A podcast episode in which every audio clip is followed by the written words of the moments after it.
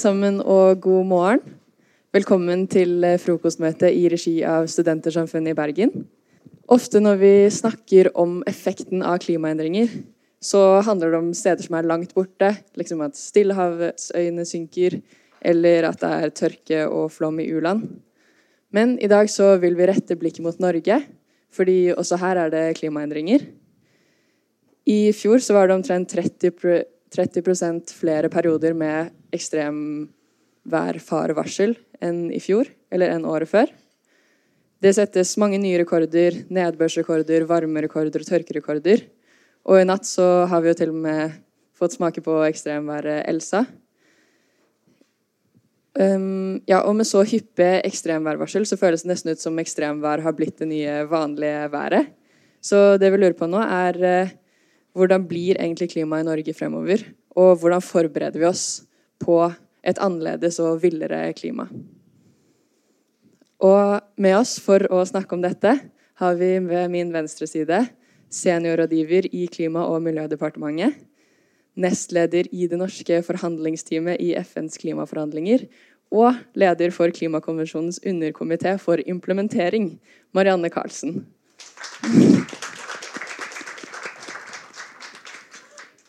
Ved siden av henne sitter klimaforsker og leder av Norsk Klimaservicesenter, Anita Verpe Dyrdal.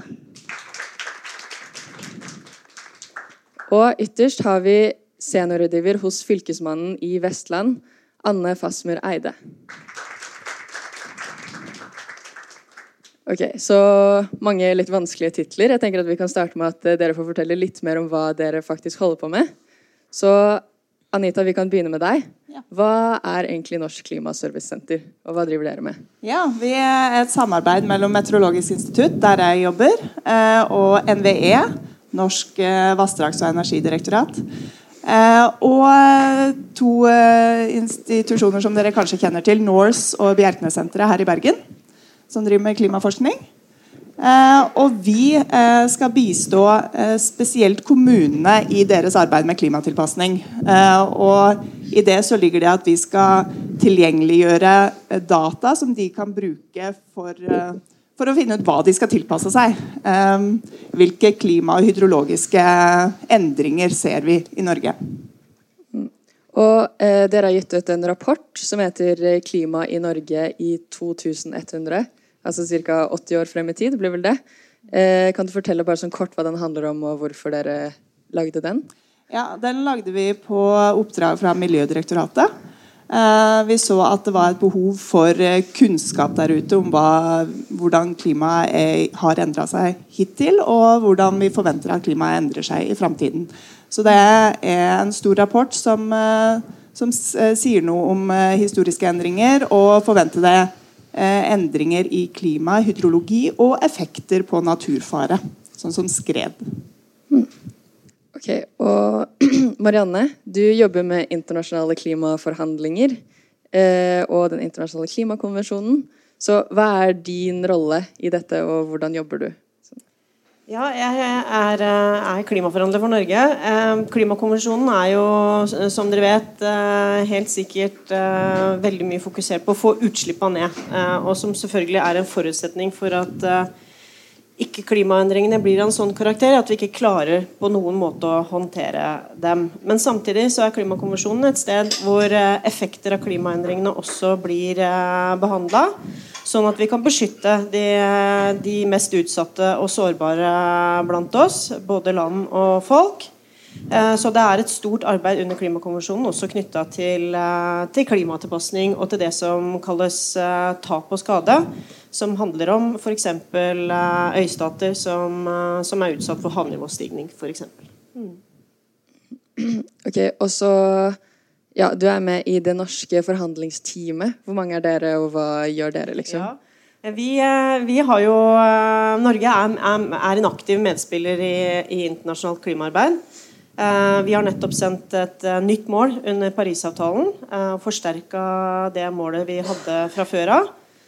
Og vi jobber veldig aktivt i forhandlingene for å få til forutsigbare og robuste rammer, sånn at alle gjør alt det de kan, pluss litt til, og at vi får gode rapporter tilbake som viser at alle har gjort som de skal. Og at vi også kan dele informasjon, at vi kan lære av hverandre.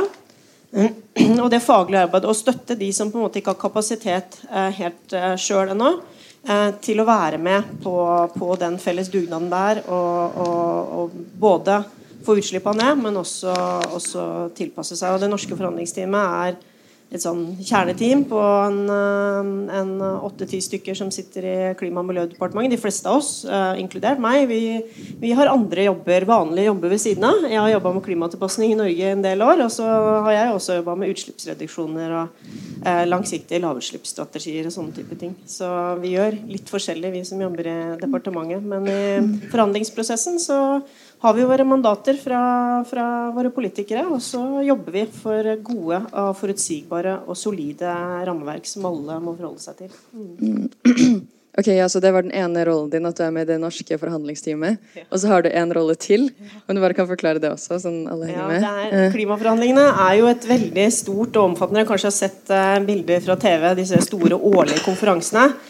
Uh, og det er veldig omfattende forhandlingsprosesser som både skal um, ivareta det vi har. Uh, Klimakonvensjonen er fra 19...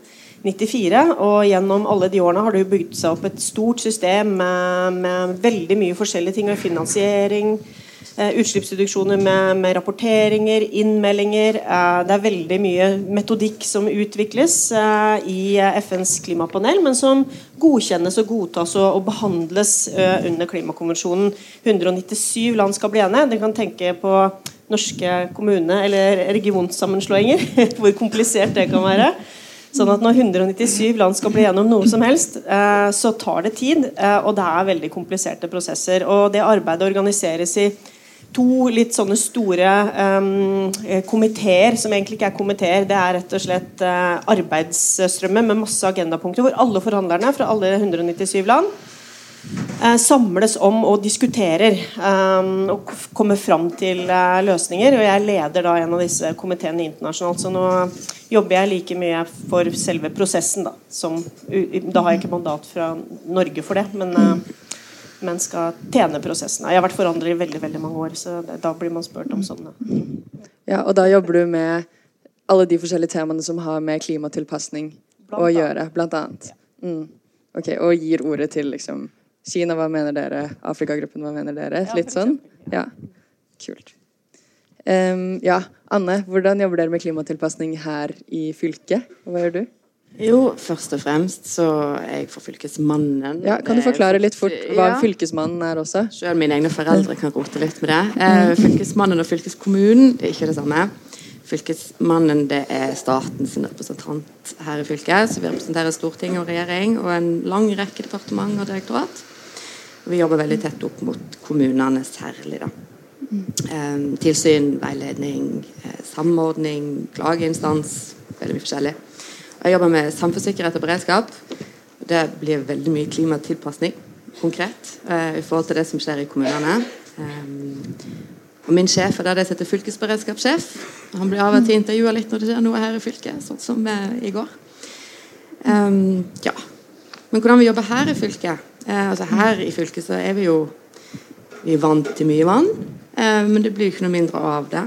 Eh, så flomproblematikk, overvann, skred ikke minst. Vi har sett mye jordskred i en del år nå. Eh, og vi, hos oss på det regionale nivået så jobber vi veldig tverrfaglig internt. For vi som sagt representerer veldig mange ulike departement og fagområder. Så alt fra miljø og landbruk og helse og utdanning. Vi har veldig mye forskjellig. Så vi jobber veldig tett på tvers for å prøve å få integrert alt som handler om eh, klima. Eh, både på utslippssiden, ikke minst på klimatilpasningssiden, som eh, jeg jobber særlig med. Og hvordan kan vi støtte kommunene og andre regionale aktører. Så vi prøver på en måte å implementere de tingene som, som Klimaservicesenteret har kommet frem til. Det handler veldig mye om å få godt kunnskapsgrunnlag for planlegging. Det er noe av det veldig sentrale her, og det som skjer særlig da i kommunene. Så det handler veldig mye om eh, å være med og bidra til at eh, kunnskapen når frem, og, og veilede. Og det kommer nye metoder. eh, veiledningsmateriell. Det er en jungel av ting å, å, holde styr på for de som planlegger. Og de ser jo på mye annet òg enn bare klimatilpasning. Men vi er veldig opptatt av at det må integreres i, i alt det arbeidet som blir gjort. Mm. Bra. Så vi kommer litt uh, tilbake til uh, de tiltakene senere. Men først så vil vi bare få en liten oversikt over hvordan er egentlig klimaet i Norge i dag, og hvordan ser vi, at, ser vi for oss at det blir fremover. Eh, så Anita, hvis du kan begynne. Hvis du skal beskrive klimaet i Norge sånn som det er nå, hvordan har det endret seg liksom, de siste årene? Mm. Eh, ja, altså Norge er jo et uh, komplekst land. Uh, det er langt, og det er, vi har masse fjell og fjorder og kompleks topografi. og vi ligger mot kysten der vi får inn masse lavtrykk, så vi har en del vær i Norge. og vi er jo vant til at det er flommer, og vi er jo vant til at det regner mye. men vi har sett en økning i den totale nedbøren, da, årsnedbøren som vi kaller den, eh, i Norge de siste 120 årene på ca. 20 eh, Og det er som eh, Det er jo store variasjoner, dekadevariasjoner. Eh, så vi har jo tørre, tørre perioder, og vi har eh, våtere perioder. Eh, men generelt så ser vi det i sammenheng med, med en økning i temperatur på ca. 1 grad i den samme mm. perioden. Fordi at varmere atmosfære kan holde på mer fuktighet. Uh, og det er mer fuktighet tilgjengelig for å lage nedbør.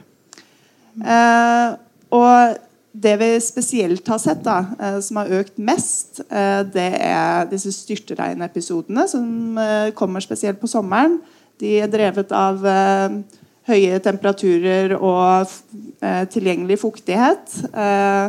Og oppstår ganske raskt. De er vanskelig å varsle.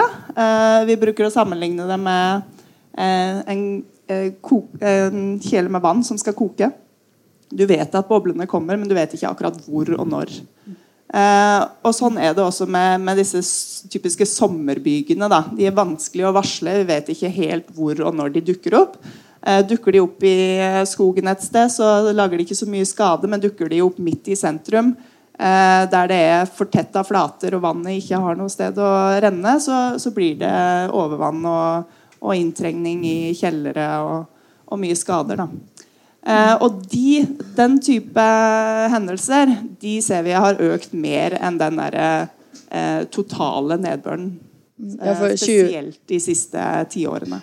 Ja, 20% mer nedbør hørtes jo liksom ikke så nei, mye ut. Ja, nei, er det men så eh, farlig? F.eks. Eh, i Oslo-Blindern de siste 50 årene så har vi hatt en eh, dobling i antall sånne styrtregnhendelser um, på timesnivå. Så uh, kan man jo Så er det jo litt uh, forskjellig statistikk uh, rundt omkring i Norge, men det er iallfall det det bildet vi ser, og som passer også inn i, i måte, teorien. Da, eh, at vi har varmere, en varmere atmosfære som kan skape flere av disse, disse konvektive hendelsene. Mm.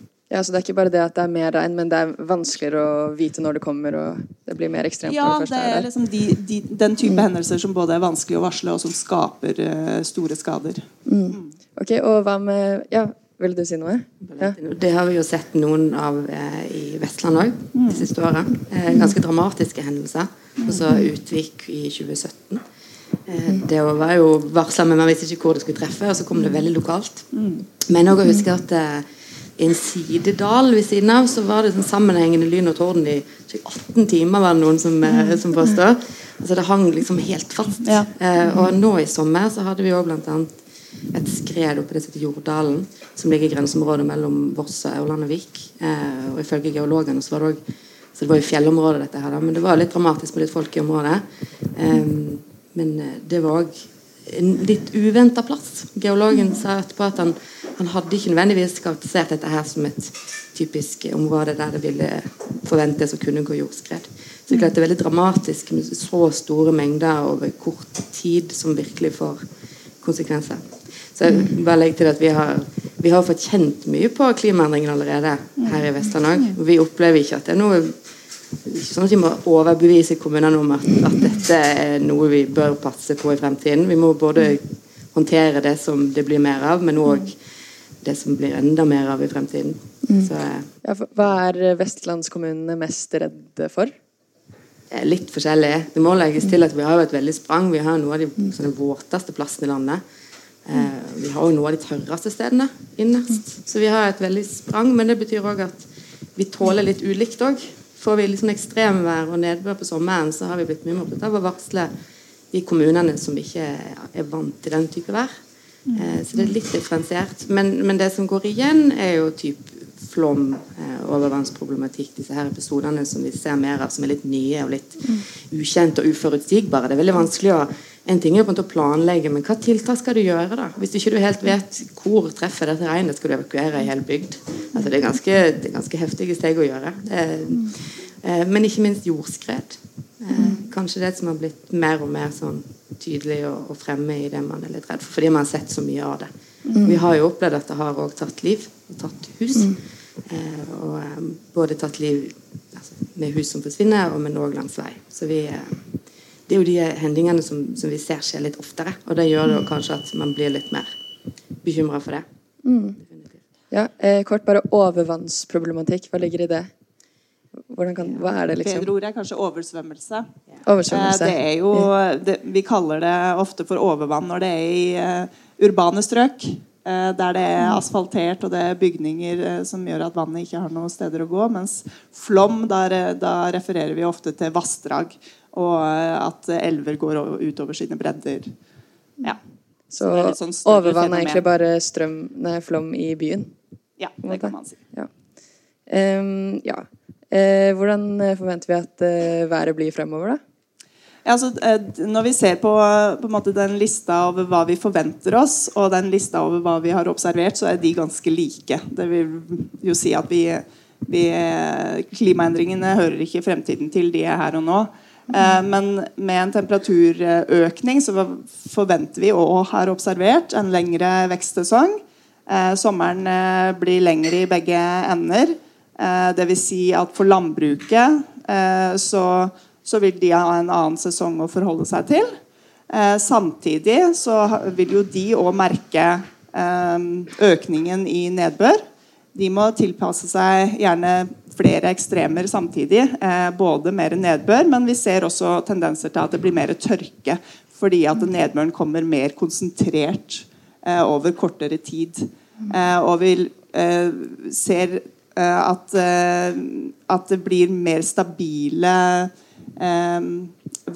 mer stabilt vær over lengre tid. Sånn at vi kan ha lengre av disse periodene med, med f.eks. tørke på sommeren. Eh, og det påvirker jo selvfølgelig eh, landbruket, men, eh, men også potensielt skogbrann. Skogbrannfare kan øke som et resultat av det. Vi ser endringer i andre deler av naturen, som f.eks. skadedyr. Oppvekst av ulike typer skadedyr og flått kan være en konsekvens av økt temperatur. Hvilke skadedyr kan det være? Mest insekter eller andre dyr? Lauvmakk er en kjent problematikk eh, som man ser at, at de kan overvintre eh, oftere og oftere. Eh, Og det, hva slags dyr er det? Ja, de skader jo eh, lauvskogen. Eh, så vi, man kan se store områder med, med trær som, som dør som konsekvens av lauvmakk. Mm. Eh, eh, snøsesongen. Eh, I år så har vi jo så å si ikke hatt noe snøsesong på Østlandet, eh, der jeg bor. Så, og det vet jeg ikke om dere har sett noe til her heller. Nei, ikke noe særlig snø her heller. Eh, Nei. Eh, og den eh, blir jo kortere.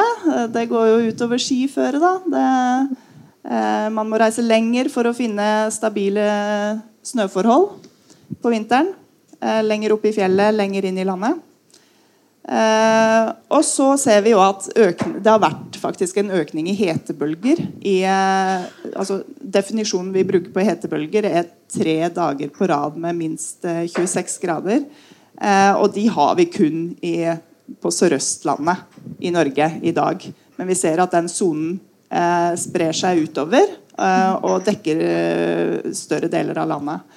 Og hyppigheten øker også. Eh, og det er jo i tråd med det som skjer i Europa. Der har vi jo hatt en økning i hetebølger, og noen av de verste hetebølgene i de siste årene. Mm. Mm. havnivå og stormflo er også en viktig, eh, viktig konsekvens av klimaendringer. Og spesielt på Sør-Vestlandet så, det, så er det områder der som er veldig utsatt for, for stormflo. Og det er sånn vi så i natt, ikke sant? Ja. Eller, ja. Ja, eh, vannstanden eh, var nesten rekordhøy i Bergen i natt. Den eh, mangla én centimeter på rekord. ja, og hvordan ligger eh, Norge an sammenlignet med andre land? Hvordan er risikobildet her? Eh, ja, hva skal jeg si. Det er jo andre land som har eh, mye dårligere forutsetninger for å takle klimaendringer enn Norge har. Eh, selv om Norge har mye av den eh, problematikken rundt skred eh, eh, spesielt, og, og mange vassdrag som kan føre til flom, så er det jo land som, som rett og slett vil ha, mangle mat og tilgang på vann. eh, I andre steder av verden. Eh, og, og steder som, som er så eh, nær kysten at de vil oppleve havnivåøkningen som veldig dramatisk. Um, så det, det er jo litt ulik ulikt uh, avhengig av hvor du er i verden. Men jeg vil jo si at Norge har all, alle forutsetninger for å kunne tilpasse seg klimaendringer her lokalt. da. Men vi vil jo bli påvirka av uh, det som skjer i verden. F.eks. Uh, uh, matproduksjonen vil jo påvirkes. Eh, flyktningstrømmene. Uh, økonomisk usikkerhet.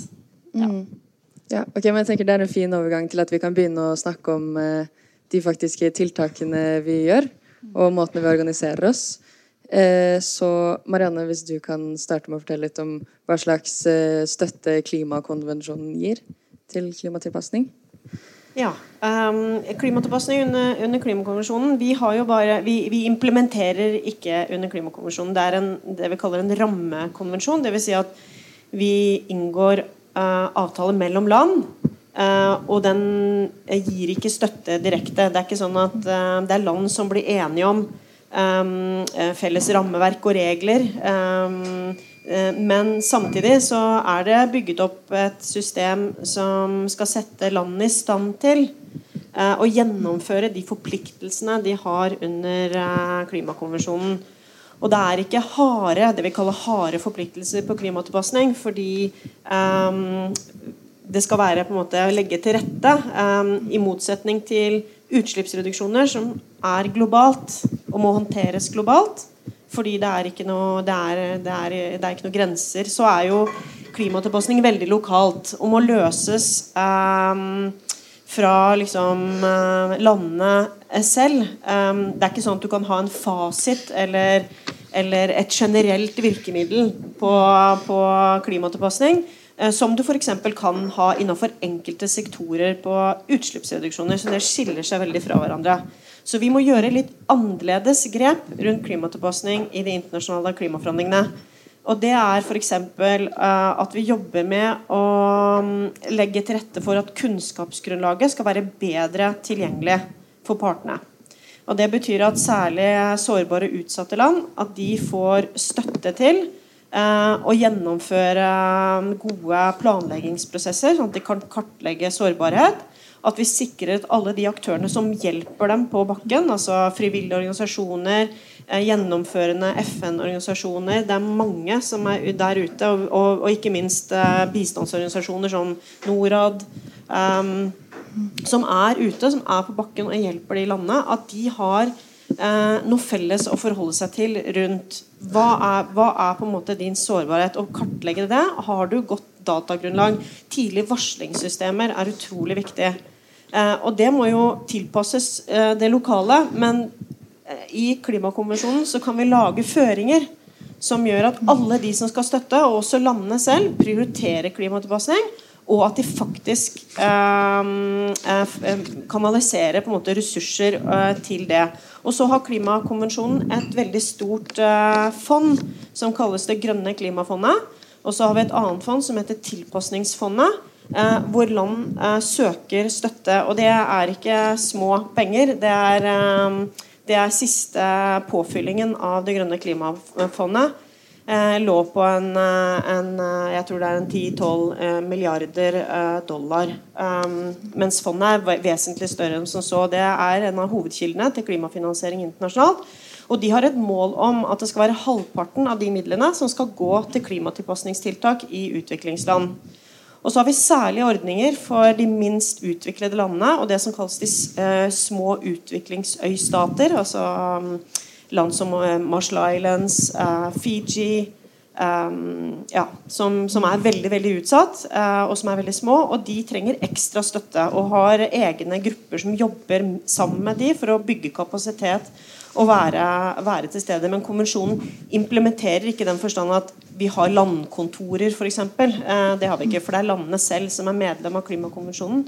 Men klimakonvensjonen hjelper da landene å kanalisere midler til landene, sånn at de, de kan bygge sitt eget klimatilpasningsarbeid. Hva slags prosjekt er det man f.eks. kan få støtte til? Ja, typisk veldig mange prosjekter er jo i Afrika eksempel, knytta til jordbruk. Jordbruk er en veldig veldig utsatt sektor i, eh, i store deler av eh, Afrika. Mm. Så det kan være mm, store integrerte prosjekter som både går på vanning f.eks. og vanningssystemer. Det kan være å sikre at du har bedre lagring for å møte tørkeperioder. Uh, sånn at du har kornlagre du lagrer mat på en annen måte. Tidlige varslingssystemer som jeg sa, er veldig viktig å få på plass. Og tidlige varslingssystemer ikke bare for uh, plutselige hendelser som flom, men også det som er det som kalles sesongvarsel. Sånn at bøndene er i bedre stand til å både så og høste og vanne Eh, sånn som etter, etter, de annen, etter det som ikke er lenger er enn det, De har jo kanskje bygd sine på lange lange tradisjoner om hvordan ting skal gjøres. Og så plutselig så er de tradisjonene ikke helt sånn um, Terrenget stenger, stemmer ikke lenger med kartet. Og du må gjøre ting på en annen måte. Så det er veldig, veldig um, ja, noe av det vanlige. Og så kan det være andre ting. Andre land er utsatt, utsatt for, for andre problemstillinger. Eh, saltvannsinntrengning i lavtliggende um, områder er veldig veldig vanlig. Eh, og da kan det være um, tiltak som gjør at um, du beskytter uh, strendene dine for erosjon og beskytter inntrengningen av saltvann i uh, områder. Og Det kan være forskjellige tiltak, men det som er viktig er at det er ikke noe det er ikke ett tiltak som virker for, uh, like godt for alle. Det som kan være liksom, god tilpasning et sted, det kan faktisk være feiltilpasning et annet sted. Så det er veldig viktig at, vi, at det er drevet og, og, og styrt eh, lokalt og med lokale prioriteringer. Og sørge for at det ikke bare er de rike, og det er Norge veldig opptatt av når vi har forhandla, og sørge for at det er de mest sårbare, utsatte menneskene som også får prioritering. Det er mange eksempler på um, at vi har sett at dikebygging f.eks. har ført vannet bort fra de rike jordeiendommene Eh, og økt flomfaren eh, faktisk i områder hvor eh, de fattige bor. Og den type ting. Da mener Norge at vi godt kan skrive ned i våre mm, beslutninger at vi må ta hensyn til de fattige og mest utsatte områdene og gi de prioritet i vårt tilpasningsarbeid. Og at det også er en føring som gjelder, gjelder sårbare land. Mm. Ok, Så klimakonvensjonen sier at alle land egentlig kan gjøre det de vil, og så får heller de med litt lite ressurser støtte? Ja, eller vi gir jo myk veiledning. Altså, vi, vi lager jo råd, veiledning for, for um, nasjonal tilpasningsplanlegging, f.eks. Mm. Um, det er uh, forpliktelser om at du skal, um, du skal drive klimatilpasningsarbeid. Mm. Du skal i hensynta um, utsatte grupper. Uh, det ligger som føringer uh, mm. under klimakonvensjonen, så det er ikke helt ja, fritt. Ikke så føringen blir at man må ha en plan, men så kan du lage den planen litt selv?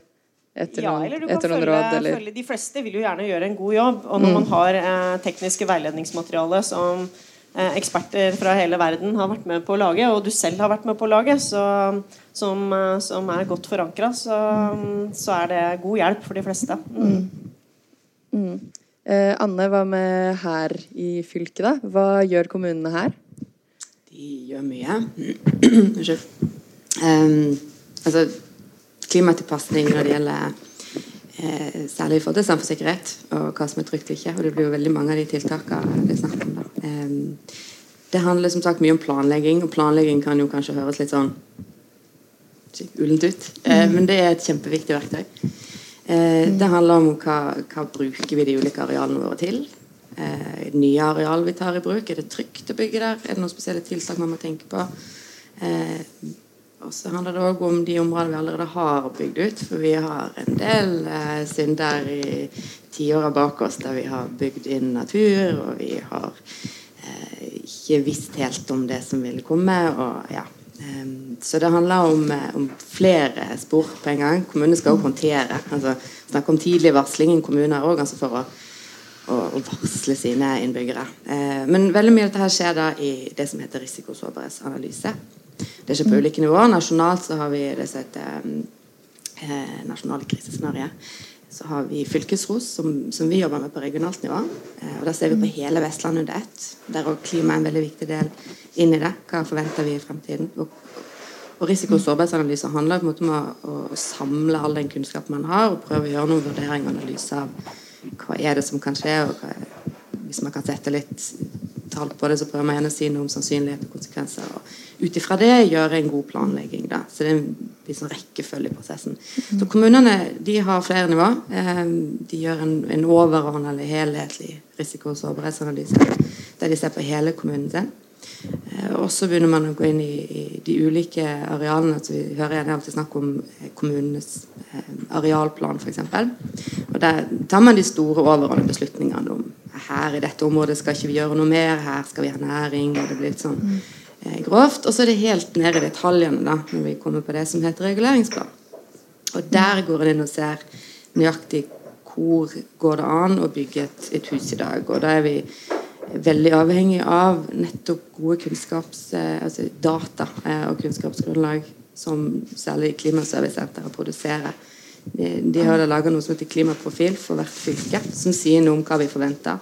Eh, direktoratet som vi får våre oppdrag fra, som heter Direktoratet for samfunnssikkerhet og beredskap, eh, har gjort en stor jobb med å, sette sammen de tingene her og gi en god metode og si hva er godt nok. Så det har vært, det har vært en utfordring å planlegge en stund, men nå, nå begynner det å bli litt mer sånn tydelige føringer. og vi, Kommunene har litt mer følelse om hva, hva, hva, er, hva er godt nok.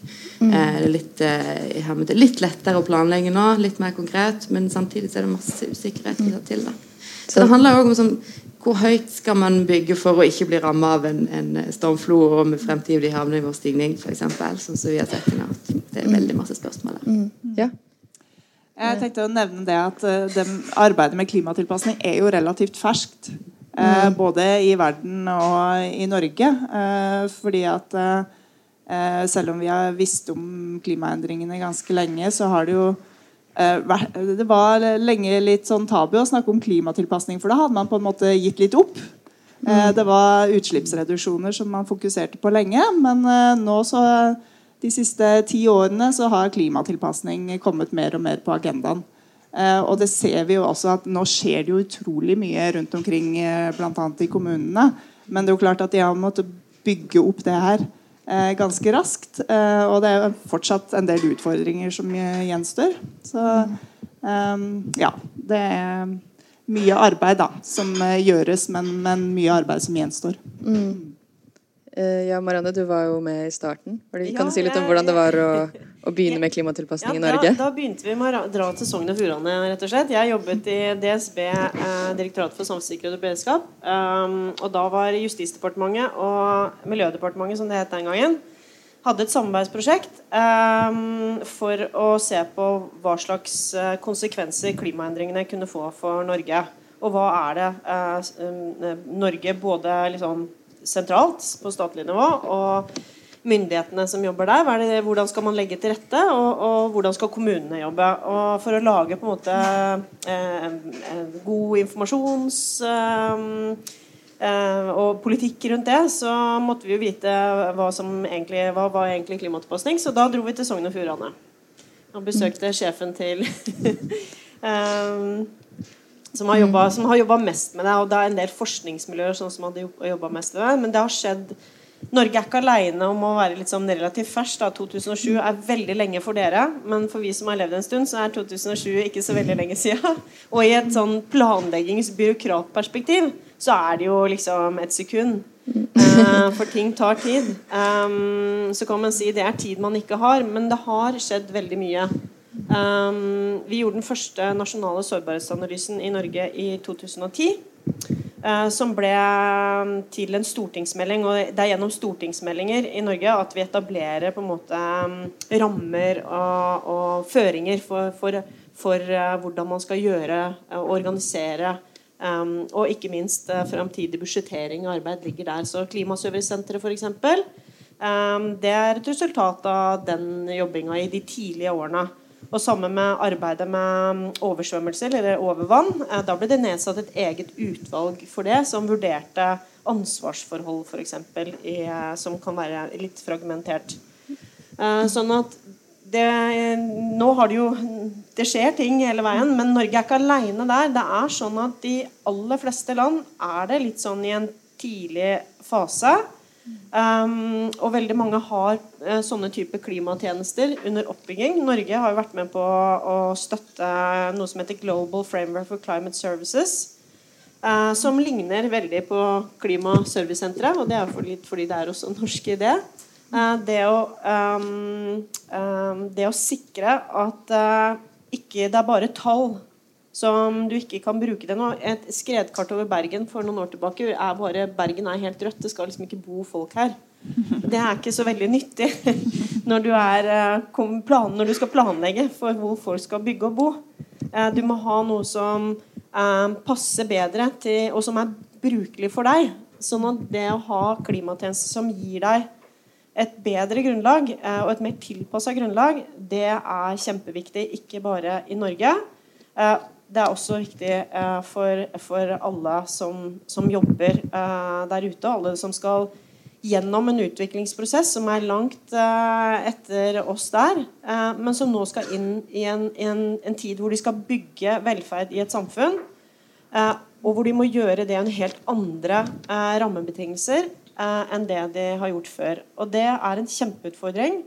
Eh, og det er ikke bare vår plikt, men også vår felles interesse at vi sørger for eh, at vi både deler den kunnskapen vi har, at vi gir eh, støtte i form av kapasitetsbygging, teknologioverføring og finansiering, for at vi ikke på en måte kommer i en situasjon hvor klimaendringer gjør at, at, folk rett og slett ikke kan håndtere livene sine og kunne vokse og gro. Eh, samtidig så må jeg si at eh, utslippsreduksjoner, selv om eh, vi må ha to tanker i hodet på en gang, men det er ingenting som er så viktig for klimatilpasning som å redusere utslipp. fordi det er veldig stor forskjell på konsekvenser av en halvannen grads oppvarming og en tre og en halv grads oppvarming, som vi er på vei til nå. Det er veldig veldig stor forskjell, og det er enkelte ting som vi rett og slett har, ikke ha gode tilpasningstiltak for. Um, for hva er det vi ikke kan tilpasse oss, f.eks.? Det er, det er typisk um, uh, ting som er knytta til havet. Det er veldig, veldig vanskelig. Um, å tilpasse seg. Altså, du, kan, du kan selvfølgelig jobbe med noe annet. Eh, men hvis du har et helt lokalsamfunn, din kultur og ditt inntektsgrunnlag knytta til korallrev f.eks., så er det jo fryktelig vanskelig å tilpasse seg når korall, korallene dør pga. korallbleking. Og det er jo pga. oppvarming av havet. Um, så havforsuring er også en gradvis uh, endringsprosess som gjør at uh, koraller og andre uh, skalldyr um, forvitrer, rett og slett. De, de, og det er det er også noe som ikke du nødvendigvis altså, Du kan gjøre noe annet, men du kan aldri være um, hummerfisker igjen. Uh, jeg tror ikke hummer har kalkskall nå. ja, men uh, i hvert fall der Og, og, og, og fis, uh, fiskearter som migrerer nordover, i, og det er relevant for Norge også. Det er jo sånn at um, en del havbruk um, Når du har veldig varmt hav, så må du senke merdene. Men det er jo grenser for hvor langt ned du kan senke merdene før du er på bunnen. Mm. Sånn at Da kan hende at en del, eh, en del, av de må flytte nordover. og Da er det jo lokalsamfunn som, som rammes av det. Dette handler om uh, klimaendringer inn stuedøra, og det handler om, om arbeidsplasser og framtida til lokalsamfunn. både i Norge, eh, men vi er som sagt i en bedre posisjon til å håndtere det. Eh, mens eh, veldig mange steder i verden så er det rett og slett ikke noe sted å gjøre av seg. Er du fra noe 12, høyeste punktet på Maldivene ligger 0,5 meter over havet. Uh, høyeste punktet i, på hovedstaden på Marshall Island uh, ligger på 42 cm over havet. Det er rett og slett ikke noe sted å gjøre av seg. Så, så brutalt uh, er det. Så da må vi kutte utslipp massivt ja. Ja. nå. Mm. Ok, og Med det så kan vi gå litt tilbake til Norge. Anne, hadde du noe du ville kommentere på i stad? Som Marianne sier, vi må, vi må, tenke litt smolebrom der. Altså, ja takk, begge deler. Mm. Um, men i, nå har vi snakka litt om at, at, det med klimatilpasning er et relativt ferskt område. Men det har òg gitt eh, mange interessante muligheter eh, til å få være med eh, både kommunene og hos Fylkesmannen og veldig mange aktører og eh, jobbe sammen på tvers. Eh, mm. Der har det skjedd veldig mye spennende. Eh, og i Hordaland, tidligere Hordaland. Eh, der har det vært mye tverrfaglig prosjekt med, med forskning eh, på type Uni Research, og jeg tror Birkensenteret òg har vært det, det ved siden av det. Eh, med flere av kommunene våre, der en har prøvd å, å, se om det går an å finne enda mer lokale data for å bli mer konkret på hvordan skal man tilpasse seg akkurat den kommunen. Mm. Eh, så vi har veldig mange aktive kommuner. Bergen er òg et eksempel på en kommune som veldig tidlig gått veldig inn i, i arbeidet med, med, klima og klimatilpasning. Mm.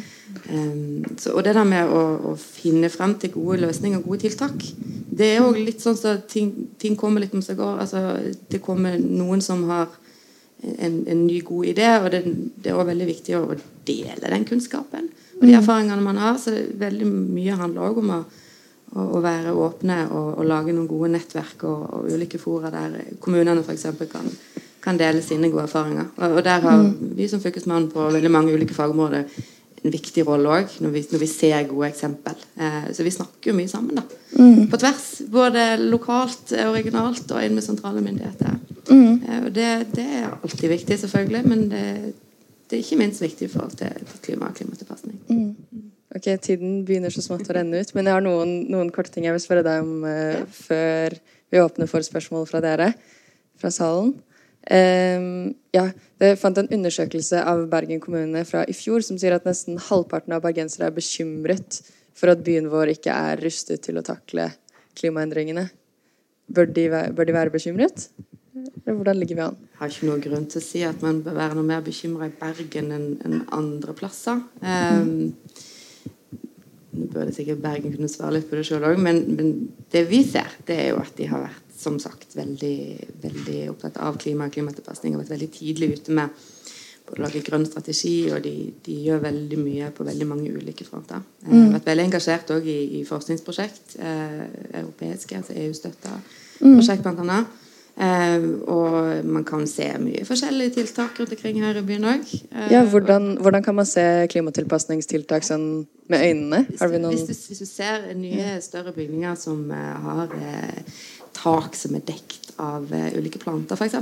Altså sånn sukkulenter som det heter, som kan ta opp ganske mye vann. Så er det et sånt typisk eksempel på det man kaller for en blå-grønn løsning. Og Da handler det om å unngå overvann, så man prøver å holde igjen vannet ved hjelp av de måtene man bygger på, de tiltakene man gjør. Et annet eksempel som kanskje de fleste har et lite forhold til, det er Ikea i Åsane. Der er hele taket dekka av, av planter. Eh, I tillegg kan du legge merke til på parkeringsplassen ute at mellom parkeringsområdene så, så er bakken laga som skrå, så det er sånne små basseng. Eh, og Du tenker ikke over det til vanlig, men hvis det kommer veldig mye vann, så er den jobben deres det der å holde igjen det vannet.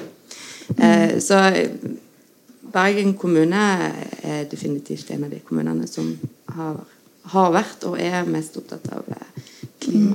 Eh, veldig langt fremme i løypa der. Mm. Eh, og de er også veldig flinke beredskapsfolk, sånn som var tidlig ute i går og hadde en plan mm. tidlig på dag, som eh, de bl.a. delte med oss. da, Fortalte mm. alle tiltak de gjorde. Mm. Så, men igjen, det er viktig å tenke liksom flere, flere mm. ting på en gang. Vi må, vi må, ta tak i og tilpasse samfunnet vårt til det vi allerede ser skjer, men så kommer det òg til å skje mer. Mm. Og så må vi kunne klare å håndtere det når det skjer ting som ikke vi klarer å forebygge. Så vi, vi må tenke mange tanker i hodet samtidig. Mm. Ja, og med det så tror jeg vi sier at eh, dere skal få høre litt om Studentsamfunnets kommende møter før eh, det blir spørsmålsrunde. Og så hvis dere har noe mer dere sier, så får dere bare prøve å snike det inn på spørsmålsrunden. Halloen. Så Dere nevnte jo forskning og interessante prosjekter. og så vil jeg bare høre litt Hva slags forskning dere trenger fra ulike typer studenter fra ulike retninger, f.eks. ved universitetene her i Norge? da? Hvem føler seg kallet Ja. til å svare? Eh, ja, jeg kan jo si litt om hva vi, eh, hva vi eh, ikke kan nok om da, eh, når det gjelder klimasystemet eh, og effekter av klimaendringer. Eh, og det er f.eks. det med samtidige hendelser. Eh, hendelser som inntreffer eh, samtidig. F.eks. at det er ekstrem nedbør over, eh, som skaper flom i, i elver, og samtidig så kommer det en stormflo. Eh, og hvis du da har et samfunn som, eh, som er bygd rundt den elva, og ligger nede ved strandkanten, så, så kan det ha store, store konsekvenser. Og sånne hendelser har vi ikke studert veldig mye. Eh, en annen ting som vi, som vi jobber med å få forskningsprosjekt, eh, forskningspenger til, er jo, eh, det med tørke. Eh, eller endring i nedbørmønstre. Jeg nevnte jo at vi tror at sannsynligheten for tørke øker. Men der er, kan vi ikke nok eh, rett og slett om eh, klimasystemet til å si det helt sikkert. Eh, og én ting som skjer, da, som, som er en teori foreløpig, er at vi vet jo at økningen i temperatur er større i høyere breddegrader. Sånn at rundt Svalbard-området så har jo temperaturen økt mye mer enn globalt, og også enn her nede hos oss. Eh, og den type temperaturøkning i nord gjør at gradienten, eh, temperaturgradienten mot nord vil eh, bli svekka. Og der eh, går teorien ut på at da, dermed vil vi få flere og lengre eller lengre perioder med mer stabilt vær. Så har du fått én type vær, så vil du ha det i flere uker. Eh, og det kan jo ha konsekvenser hvis du f.eks. blir fastlåst i et eh, høytrykk. Så, så vil jo det skape eh, f.eks. tørke. Da. Eh, ja, jeg kunne sikkert fortsatt lenge, men dere skal få si noe. Ja, Anne, er det noe du tenker kommunene gjerne vil ha forskning på? Jeg tenker Det finnes sikkert en masse masse spennende uten at jeg har noen kjempegode eksempler her og nå. Men, men det der å, å kunne lære av hverandre, hvis det går an å kanskje forske mer på, på hva som fungerer rundt omkring òg. og i forhold til klimadata sant? Altså, Det er gjort kjempemasse, og det, det holder man på med videre òg, men, men det er jo fremdeles ganske gråmasker. Så det at vi har et fylke som er veldig veldig stort og, og variert òg i, i lokalklima. Eh, det betyr at eh, vi trenger mer konkrete data. Um, og, men eh, jeg tenker at det, ha klima med seg i forhold til eh, det man har lyst til å holde på med, og gjenforske på, så fins det et, eh, et stort utvalg. Det er liksom fantasien som er grensene. Altså. Det er vanskelig å si noe konkret. Eh, men det blir også, altså på alle mulige fagområder. sant? Hvordan jobber vi best sammen? Eh, masse spennende. Ja, Anita? Jeg tenkte på det med tiltak. Og der er det jo det er jo også et ganske ferskt område. Eh, altså konkrete tiltak for å f.eks. håndtere overvann i byer. Eh, og en ting som Oslo kommune ser på nå, er å bygge veiene eh, slik at de kan fungere som trygge flomveier når det kommer mye nedbør. Dvs. Si at eh, trafikken vil bli stengt i visse veier som eh, leder vannet trygt ned til fjorden. Eh, og, og det vi, det vi vet, er at en profil, en veiprofil som ser sånn ut istedenfor sånn, vil lede mye mer vann. Vil kunne ta mye mer vann. Men eh, vi har ikke sånne veier i Norge. Vi veit ikke hvordan sånne veier vil fungere med snø. Eh, snømåking. Eh, og, og det å forske på hvordan sånne typer tiltak fungerer i et nordisk klima, det, det blir veldig viktig framover. Ja, en ting til. Ja, det er veldig mye interessant der. Um, kan også snike litt inn at eh, nå, nå snakker vi et sted om det vi har sett av konsekvenser sant, med, med hus som har forsvunnet i flom og i skred, og eh, dramatiske hendelser der til og med tatt liv. Eh, men det vi er også veldig opptatt av, det er jo de samfunnsmessige konsekvensene det får på veldig mange plan. Det vi har opplevd i Vestlandet, er òg at vi er blitt vant til i store områder og i, i, i forbindelse med ekstremer blir- altså, Strømmen forsvinner. Og det forsvinner etter hvert telefonen, det blir vanskelig å ringe nødetater. Eh, kommunene har viktig ansvar for hjemmeboende syke og eldre, f.eks. Man skal komme seg frem. Så den kombinasjonen av mange ting som skjer, det lager liksom bare ringvirkninger hele veien for hele samfunnet vårt. Um, eh, og, og det der med å finne nye løsninger på, på hvordan skal infrastruktur fungere best mulig og være stå imot klimaendringene, det er òg kjempeviktig. For vi er så avhengige av det, og vi blir bare mer avhengige eh, av eh, å ha internett for å fungere. Vi blir buende lenger og lenger hjemme etter hvert vi blir eldre. Og det er mye på grunn av eh, den avhengigheten blir bare større for å kunne gjøre det. Så vi endrer det på samfunnet vårt. Og det er viktig å, eh, å sørge for at, at de løsningene vi gjør oss avhengige av, fungerer. Eh, så det er mer sånn i teknisk retning òg innenfor veldig mange områder. Og skyte inn at eh, vi må vel innrømme at vi ikke kanskje helt alltid ser en sånn helhetlig politikk. Vi har jo òg eh, politisk besluttet at vi skal sentralisere akutthelsetjenester, f.eks. Og i Vestland så betyr det at våre spesialisthelsetjenester, altså sykehus, eh, som kan ta seg av akutte eh, situasjoner, det er i Bergen, Høkland, og det er Førde. Eh, og, det er nå en ting. Eh, og vi mener ikke noe om politikk vanligvis, men følgen av det blir jo eh, altså Hvis man ser ting i sammenhenger, da. For det har, det har ikke ført til en føring for hvordan vi skal vedlikeholde og sikre veinettet vårt. Så vi ser jo òg eh, Senest i går eh, i NRK på NRK var det diskusjon om eh, skal vi velge fergefritt eh, versus å sikre veiene våre som ikke er helt trygge. Det var utspill fra transportorganisasjonen som var bekymra for E16 mellom Bergen og Voss, som er veldig rasutsatt. Mm. Jeg syns diskusjonen om eh, undersjøiske tunneler og, og bruer over fjordene våre. Eh, og igjen, vi skal ikke si noe om hva politikerne skal bestemme, men vi har òg alle en viktig oppgave med å få frem hvor viktig det er at man, man skjønner at her er det noen store beslutninger som må tas. Så vi kan snakke om Ole Brumm, Jeg må tenke Ole Brumm når vi tenker både utslippsreduksjon og klimatilpasning, men vi klarer kanskje ikke å tenke, altså være Ole Brumm og, og si ja takk begge deler. Vi må ta noen vanskelige valg. Eh, vi ser òg f.eks. i Sogn og Fjordane at eh, E39 langs Jølstad sant? Jølster har jo de fleste hørt om mye, særlig etter de skredhendingene som har vært der. Men det er jo hovedveien til sykehus for veldig store deler av fylket der oppe. Eh, og det er ikke så langt ifra denne her feilfrie krysningen. Så så det, der kan det være stengt på fem-seks ulike punkt på et, et helt døgn gjerne før en klarer å åpne det. Eh, og får du ekstremvær, så har du kanskje ikke mulighet for å fly eh, med luftambulanse heller. Eh, så, så det her er veldig masse komplekse hendelser. Og, og igjen, dette her er noe av det kommunene skal sitte og planlegge. Så i fremtiden eh, og her og nå. Så det å være planlegger i en kommune eller ulike eh, rådgivningsvirksomheter og forskjellige aktører, der kommer det til å bli veldig masse mer òg i fremtiden av kjempeviktig arbeid.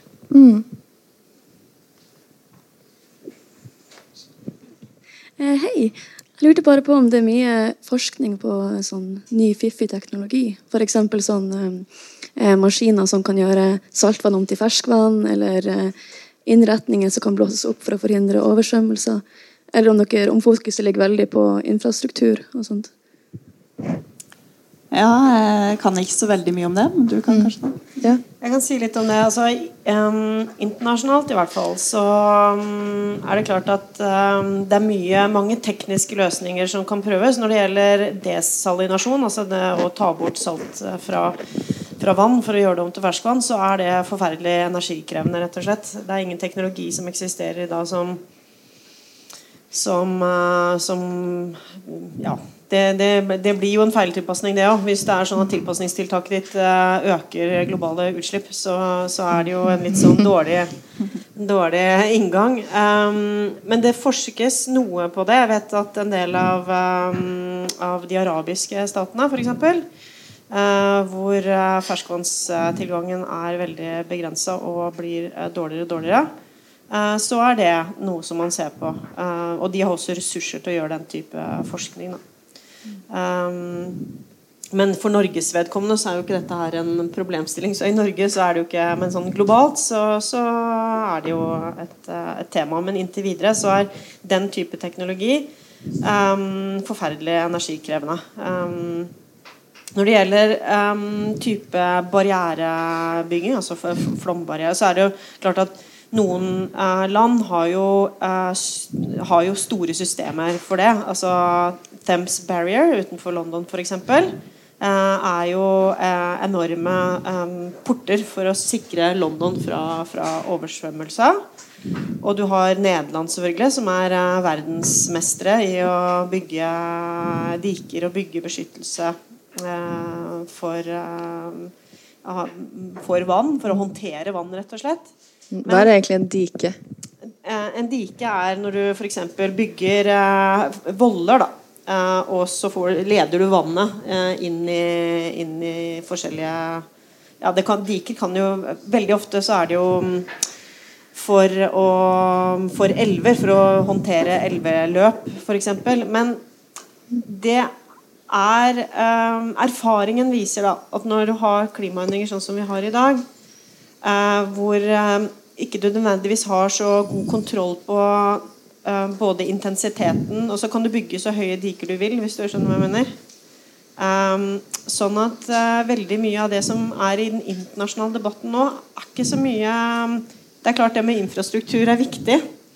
og de harde løsningene er selvfølgelig en del av løsningen altså hardere fysiske løsninger. Men eh, å bruke eh, økosystemene og bruke naturen fordi vi har bygd inn en forferdelig mye sårbarhet. Det er ikke bare Norge som driver med den slags. Det er veldig, veldig vanlig.